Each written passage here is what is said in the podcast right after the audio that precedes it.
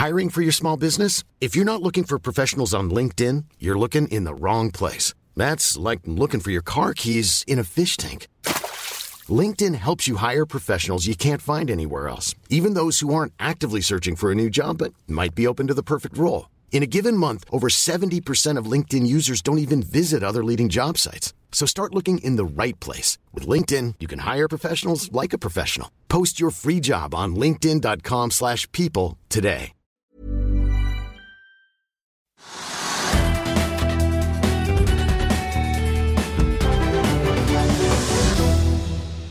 Velkommen til Økonominyhetene. I dag besøk av Kolbjørn Giske Ødegaard, som er sjømatanalytiker i Nordea Markets. Vi, begynner her hjemme på Oslo Børs. Det kan se ut som markedet er litt i ventemodus, Trygve. Vi ligger og vaker rundt nullpunktet akkurat som i går. Eh, men skjedde det ikke noe spennende i USA i går? Ja, det er riktig som du sier. Altså, markedet har vært veldig svakt i dag. Det er litt opp nå, og så har det vært flatt hele dagen. Og I går så, så vi det at de amerikanske børsene, hovedindeksene, var opp rundt 1% og Det var litt overraskende. fordi det som kom av nyheter i går i USA, det var det at, og det er noe som samfunnsøkonomer og andre økonomer er veldig opptatt av, det er det at når den lange renten faller under den korte, det er da sånn veldig godt, godt resesjonstegn. Dvs. Si at uh, fremtiden ser ganske dyster ut. Rentene faller i lang tid frem. og det, så det, Man tar ikke liksom utgangspunkt i at inflasjonen vil øke og at veksten vil være stor, og at rentene pleier å øke på lang sikt. Så man, når da de lange rentene, tiåringene i Amerika, falt under den korte, så ville de fleste mene at det var et av de sterkeste resesjonstegnene man kunne få. Og da, når man da får resesjonstegn, så pleier da aksjebørsen å reagere ganske negativt ned på det. Men nå, i motsetning til mange ganger tidligere, så sa man at nå er det ikke så farlig likevel. For når alle land venter seg til lange renter, øh, lave, og at øh, det er ikke noe spesielt signal i markedet at da de lange rentene er, det er lavere enn de korte, sa man.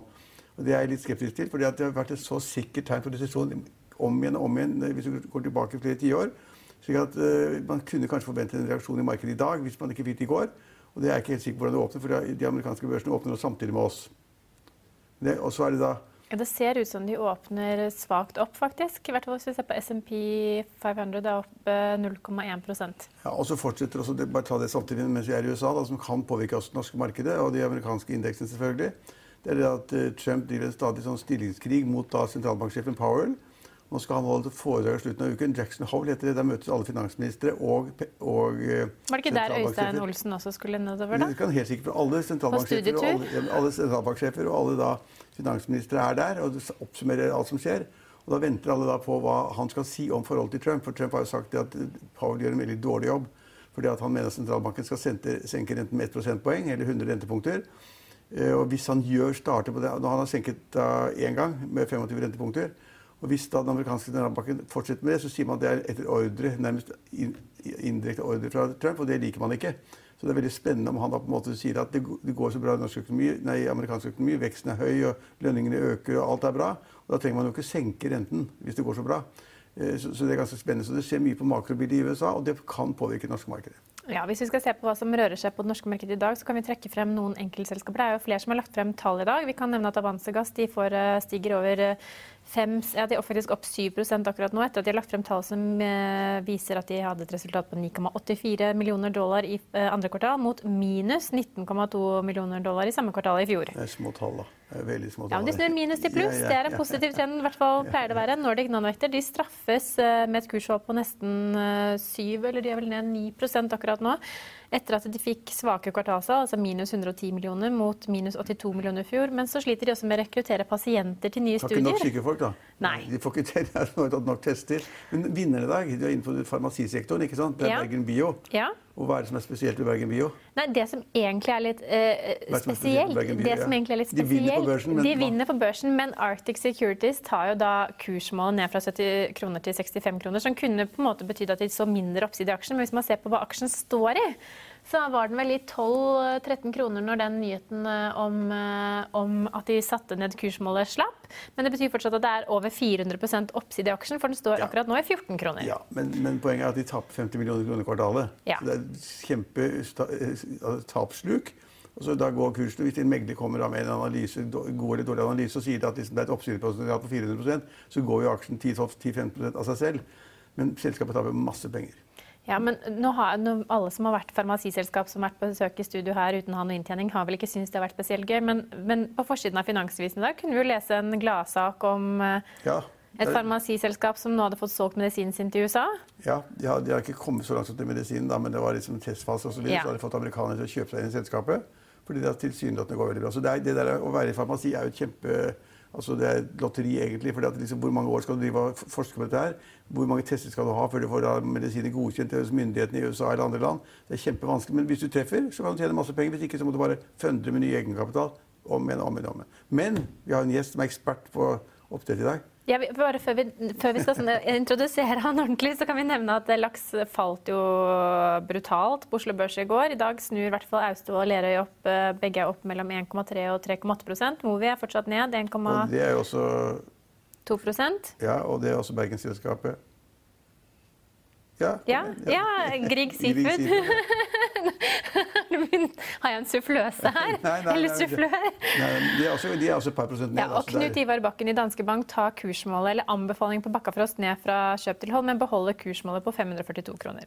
Skal vi nevne at Nova Enova eh, gir 2,3 milliarder eh, kroner i støtte til verdens største flytende havvindpark, og at Bonheur de hente, skulle hente 700 millioner, men klarte å hente 800 millioner i det som var en femårig usikret obligasjon i markedet. og annet Spetalen gikk inn der. Ja. Da Nei, før, Nei, da, ok. da, da må vi ta et selskap til, som er Ja. ganske interessant for da, veldig mange innen oljeindustrien og oljeservicesektoren. Det er Borr, riksselskapet. Ja. Som da på en måte, Kursen har falt 50 det er jo, Selskapet er dominert og konstruert av uh, Toralv Traum, som sitter i London. Og Kursutviklingen har vært kjempenegativ. Det er masse kritiske kommentarer. og De begynte bare med egenkapital, så de skal ikke ha gjeld. De har masse jackup-rigger. Etter hvert som de da på en måte ikke klarte å finansiere det med egenkapital, så måtte de låne penger. De har altså lånt 5-6 milliarder kroner nå. og det de har gjort nå, som er ganske interessant, er at den tidligere toppsjefen i Slumberger, Kipskår, nord- nordmann fra Ålesund, han fikk da Slumberger til å bli den største aksjonæren i Borr. Det har ikke hjulpet noen ting så langt. for at det, altså det er driften og hva man får når riggene er ferdige og du begynner å, å, å tjene penger i et marked. Men han, så ble Kipsborg ikke sparket, alle sa det var merket at han gikk av som toppsjef i, i Slumberger. Slumberger er da største aksjonæren i Borr. Når han da, fra å være da ingenting noen måneder etter at han gikk av, så han da nå blitt styreleder i Borr. Så har Trøm rykket ned til å bli viseleder i styret. Så da tenker mange det at en sånn topp proff mann som, øh, som han er, og har vært i, Slumberger Slumberger har vært en kjempesuksess økonomisk. Han vil ha tilført kompetanse til da Borr som styreleder i selskapet. Det gjenstår å se. Aksjene har ikke rørt på seg i dag. Nei. Men da skal vi over til noen aksjer som rører på seg stadig vekk. Og det er velkommen til oss, Kolbjørn Giske Ødegaard, analytiker i Nordea Markets. Vi skal snakke om sjømat, og spesielt da laks. Vi må i hvert fall begynne med gårsdagens eh, tallfremleggelse og brutale fall. Hva var den overreaksjonen det vi så i markedet i går? Du kan si det var jo, eh, Tallene som kom fra Movi, var jo akkurat som forventa. Eh, tallene som kom fra Grieg, var 20, eh, mer enn 20% under analytikerforventninga.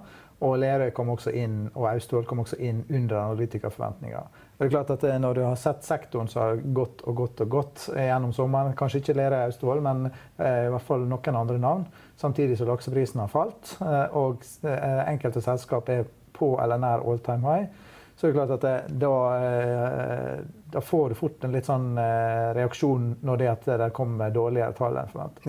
Altså, hvor langt har egentlig lakseprisen falt? Hva ligger den på? Er det Noen sier 40 kroner, noen sier 45 kroner. Ja, det spørs hva, du, hva man refererer til. Hvilken størrelse og lengde og sånn? Ja. Eh, du kan si 3-4 kilos laks i markedet var eh, før helga solgt til eh, rundt et par og 40 kroner kiloen. Og toppen var? Eh, toppen for den størrelsen var nok eh, mm, sånn to- 62 eller noe sånt. 62 kroner, ja. Ja, men hvis du tar på snittet, så snakker vi mer om en sånn eh, 45-50 kroner kiloen. For der er det storfisk som trekker opp. Og, det er jo ganske dramatisk at prisen faller fra 62 til 42 kroner. ja. Ja, da, prisen har falt 20 kroner fra, på, på to måneder. Men det er ikke rart at kursene faller da. Nei, men kursen, kursen har jo stått imot veldig lenge. Ja, akkurat var det. Ja, for Det har vært veldig volatilt i markedet, altså børsmarkedet generelt. Og disse lakseaksjene har klart seg bedre enn mange andre av aksjene. Men nå får de altså dette fallet. Men det er jo ikke noe uventet at lakseprisen faller når det blir høst. Nei. Nei, men det var, det var, det var det, altså, Fallet på 20 kroner er ganske, ganske sterkt. da. Og så har i dag, som Sier, så har da kursene gått uansett hele tiden. Er ikke brydd seg om det i det hele tatt. Men vi går jo inn i en litt rocky periode, gjør vi ikke det? Jo, altså Nå er vi i en periode der eh, det er fantastisk tilvekst i sjøen. Eh, antageligvis så blir det fôra ut eh, eh, tilsvarende par og 30 000 tonn i uka. Eh, så det bygges biomasse, og det er behov for å ta ut fisk. Og det vi har sett i sjøen i år, det er jo at eh, tidligere to åra har man gått over fra å avluse med medikament til å avluse eh, mekanisk. For, eh, av hensyn til miljøet, og for å ikke få resistens mot lus.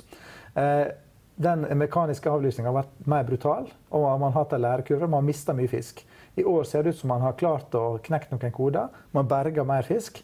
Men det gjør også at det, eh, det er mer fisk i sjøen, som gjør at man må ta ut fisk på lavere snittvekter og plassere det i markedet. Så enkelt sagt, en del av den fisken som daua i fjor, den har overlevd i år, og den skaper prispress. og det er helt frem til jul? Altså, sesongmessig I gamle dager da jeg lærte om lakseoppdrett, og sånn, så var det slik at prisene de bare var elendige helt opp til jul. og Så skulle da julebordsesongen med laksen reddes, og så begynte prisen å stige igjen. Ja, men En del av de selskapene som rapporterte i går, peker jo på kontalige estimat for september. Som sier at det, eh, den totale tilførselen i tonn i september skal faktisk være lavere enn i august. Eh, og i september så er også industrien i Europa i gang igjen etter ferien. Kjøper mer. Så du, de ser for seg et mer balansert marked i september. Iallfall de signalene vi hører fra, fra, fra oppdrettsselskapene. Tror ikke på noe tilbudsoverskudd da i august, september oktober? da? Altså, det er alltid tilbudsoverskudd, som Eline sier, på den tida av året. Eh, men, men eh, altså prisene vi, vi tok ned lakseprisestimatene våre for, eh, for året i år fra 61 til 58 kroner eh, på den oppdateringen som kommer i dag. Og det er jo rett og slett for å reflektere at eh, tredjekvartalsprisene har vært svakere enn forventa. Hey, it's Danny Pellegrino from Everything Iconic. Ready to upgrade your style game without blowing your budget? Check out Quince. They've got all the good stuff shirts and polos, activewear, and fine leather goods, all at 50 to 80% less than other high end brands. And the best part? They're all about safe, ethical, and responsible manufacturing. Get that luxury vibe without the luxury price tag. Hit up quince.com slash upgrade for free shipping and 365 day returns on your next order. That's quince.com slash upgrade. I'll see you in court. Vi sier det ofte litt på spøk, men for deg som driver business, er det aldri moro å innse at du ikke har laget en 100 gyldig kontrakt. Du bør ikke risikere hele firmaet ditt fordi du synes dette med kontrakter er litt stress. En avtale er ikke en avtale.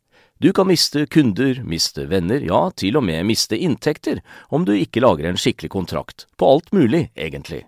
Men vi vet det er et styr. Kopimaskiner, treg printer og haugevis av papir. Dessuten stoler vi jo på folk her i landet. Det er ofte litt kleint å skulle be om en signatur for alt mulig, ja, for mye av styret handler også om jakten på underskriften. Det finnes en enkel måte å løse dette på, Dukkobit, en trygg, effektiv og get this, gratis måte å sikre seg en god natts søvn pluss en juridisk bindende avtale. Dukkobit-appen har de strengeste sikkerhetskrav i bunn, samt en EU-godkjent og sertifisert teknologi. Framover vil det bli behagelig å spørre du, skal vi skrive under på det, eller? Kom i gang på dukkobit.no. også litt lavere forventning i fjerde kvartal enn det vi lå inne med før. Så, så det, det er noe lavere prisbilde, men det er helt riktig. Det her er jo sesong. Og eh, senere på høsten så pleier prisene å gå opp igjen. Men nå har jo disse oppdrettsselskapene lært at det er dyrt å produsere laks. Har ikke de blitt mye flinkere på kostnadssiden, eller hvor mye sitter de igjen per kilo laks? Altså Fiskeridirektoratet eh, offentliggjorde foreløpig tall for 2018 eh, uka før, altså forrige uke.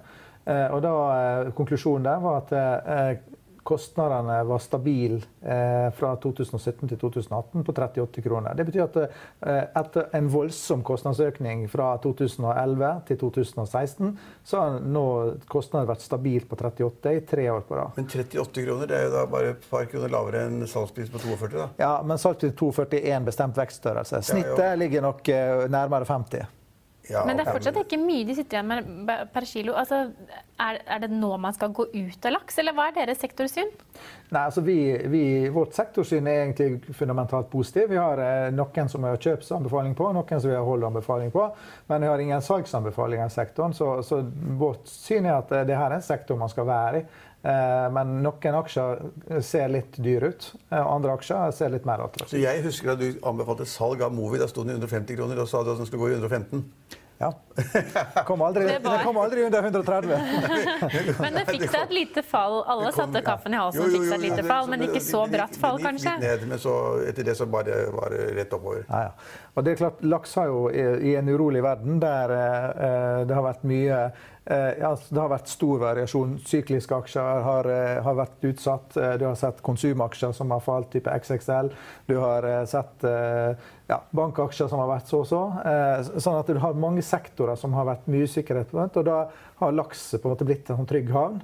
Eh, Og du, har sett egentlig multiple ekspansjon da, eh, gjennom året i år. Men, hvilke multiple priser man altså Movi på? Altså, den står nå i 110-20 kroner eller noe sånt? nå? Eh, 220.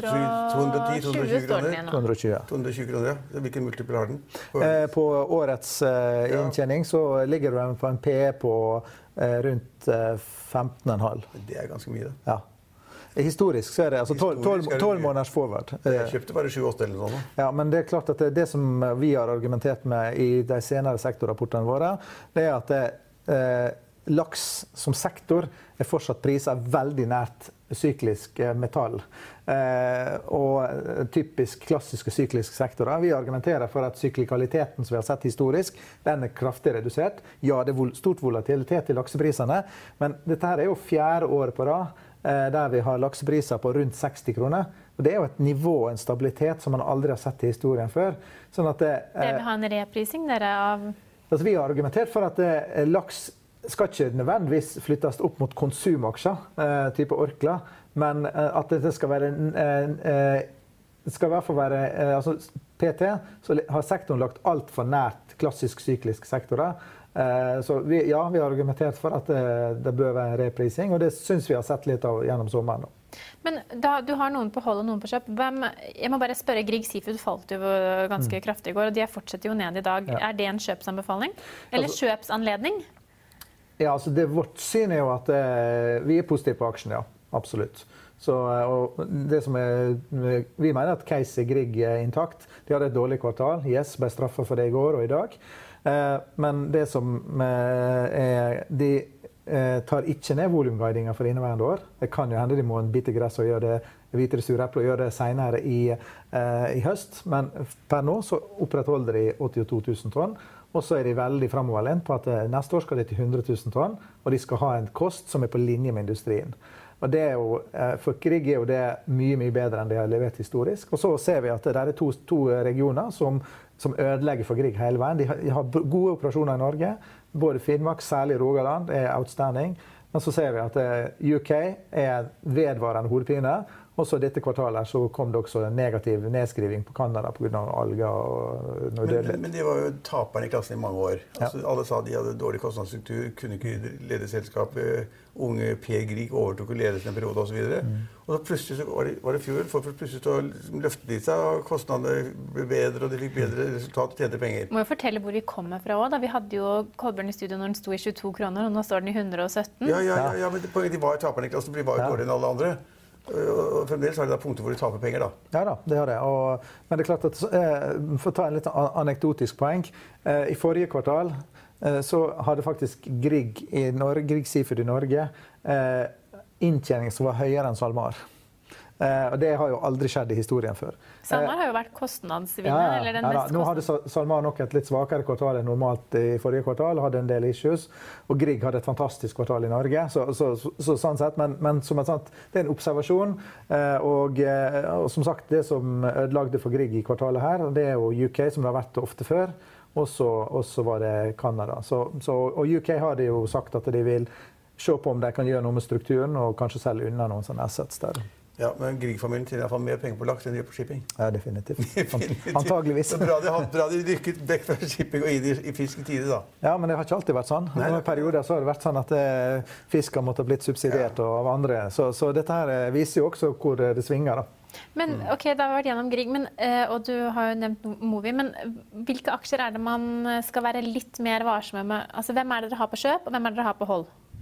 Ja, så Vi har eh, type Movi, SalMar, Bakkafrost eh, og Kamanchaka. Så har vi sagt at eh, de mener vi er sånn eh, fullpriser. da. Eh, og, eh, og og så har vi resten av dekningene våre så har vi på kjøp. Ja. Så, så er det 50-50. Ja, fire på kjøp og fire på hold. For Det er ikke noe særlig poeng å kjøpe Movi, selv om det er et stort, godt internasjonalt selskap, på 220 kroner. Og så for å si det sånn da, eh, vi, vi, eh, altså, vi mener at ut ifra de eh, multiplene som vi ser de kommende åra, så, så, er selskapet fair priser. Mm. Eh, og så kan man selvfølgelig si at ja, men det er attraktiv dividende, og de kommer sikkert til å vokse mer i Norge, fordi de har jo historisk vært høyere på volum, og de har vist at drifta har forbedra seg. Det er veldig mye positivt i Movi, eh, absolutt. Eh, så, så, men, og vi har hatt kjøpsanbefalinger på dem i lang tid, men akkurat nå så tenkte vi at eh, nå har aksjen gått så mye at det her er litt uh, ufordelaktig risk reward. Da. Og Pareto Security sier i dag at de venter en laksepris på 45 kroner neste uke. Hva tror du lakseprisen blir liggende på jevnt eh, hvis du skal se august, september og oktober over ett? Altså vi, vårt estimat nå for tredje kvartal er 52 kroner for tredje kvartal. Og det, det, er vesentlig lavere. Det er særlig tredje kvartal som på en måte tar ned årssnittet i vår modell. Da. Fjerde kvartal har dere høye forventninger? Fjerde kvartal har vi høyt, uh, høyt 50-tall. Vi har 59 kroner nå for fjerde kvartal. Det ligger, det litt over, altså et par kroner over der Fishbull ligger. da. Så det er jo det er julelaksen. Det er julelaksen. Ja. ja. men vi må jo snakke om nå, Vi har julelaksen og så har vi kinalaksen. Altså, hva tenkte du? Nå har du jo fått en direkterute to ganger i uken som skal mm. fly laks til, uh, direkte til Kina. Ja. Hva betyr det altså, for norsk uh, lakseeksport? da? Altså, Kina har jo vært fantastisk så langt. I, altså, eksporten fra Norge til Kina er jo dobla seg. Og selv når vi tar med Hongkong og Vietnam og eliminerer litt sånn transit eh, mot fjoråret, så, så, er det en betydelig økning på, på Sørøst-Asia totalt sett. Sør-Korea er positivt. Altså, der, er, der, er, et veldig godt momentum. Eh, og så, eh, så, så, det, er ikke tvil i at det, det, er en lovende region. Samtidig så skal vi også eh, erkjenne at det, eh, snitt altså, disse ukene her så eksporterer vi sånn 5 26 000 tonn i uka eh, i rundlaks ut av Norge. Og eksporten til Kina den eh, er 600 tonn. Mm. Ja, Så den er fortsatt veldig liten ja, i det, store bildet? Sant? ok, Veksten er stor, men det, for alle praktiske formål så er det EU-markedet som tar eh, 70 eh, av den norske laksen. Men Man kan vel heller ikke undervurdere det at man har fått en direkterute med laks til Kina? Det er vel et ja, langt skritt fremfor der vi var for, mange, for, noen år tilbake? Ja da, det er klart at det, der det bygges opp kapasitet. Det har vi sett på Chile.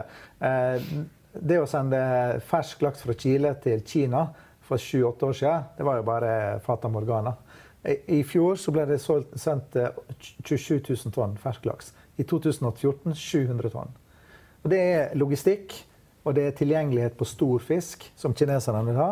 Og det er fravær av norsk fisk eh, gjennom mange år som har bygd opp det.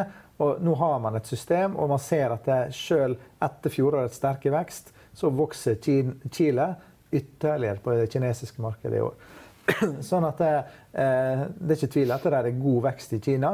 Samtidig så sier jo også eh, eh, Hvis man nå tar all eh, importen inn til eh, det som man kaller Greater China, så er jo, er jo, det svak vekst. Fordi det er et større nedgang i eh, Hongkong og Vietnam enn det er økning i Kina. Norge har vokst sterkt i regionen, men det er litt nedgang totalt sett fra f.eks. Chile. Og, ehm, og, hvilket land er det vi eksporterer mest laks til akkurat nå, da? Det er jo Polen som ligger på topp. da. Eh, og det, det, er jo både fordi at de har mye fabrikker som prosesserer det, men det er også fordi at man har bygd opp et innenlandsmarked. Polen har hatt høykonjunktur lenge. Stor voksende middelklasse. Og de eh, konverterer fort til et eh, si, vesteuropeisk mønster med store supermarked og Tesco og Walmart-butikker, som da skal ha laks. Det blir spennende å se hvordan det utvikler seg denne høsten. Takk for at du har anledning til å være gjest hos oss i dag.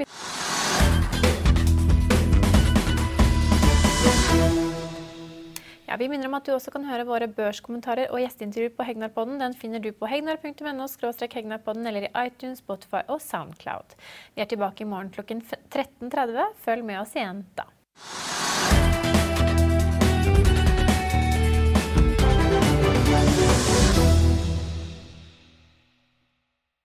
Økonominyhetene er en podkast fra Finansavisen. Programledere er Marius Lorentzen, Stein Ove Haugen og Benedikte Storm Bamvik. Produsenter er Lars Brenden Skram og Bashar Johar. Og ansvarlig redaktør er Trygve Hegnar.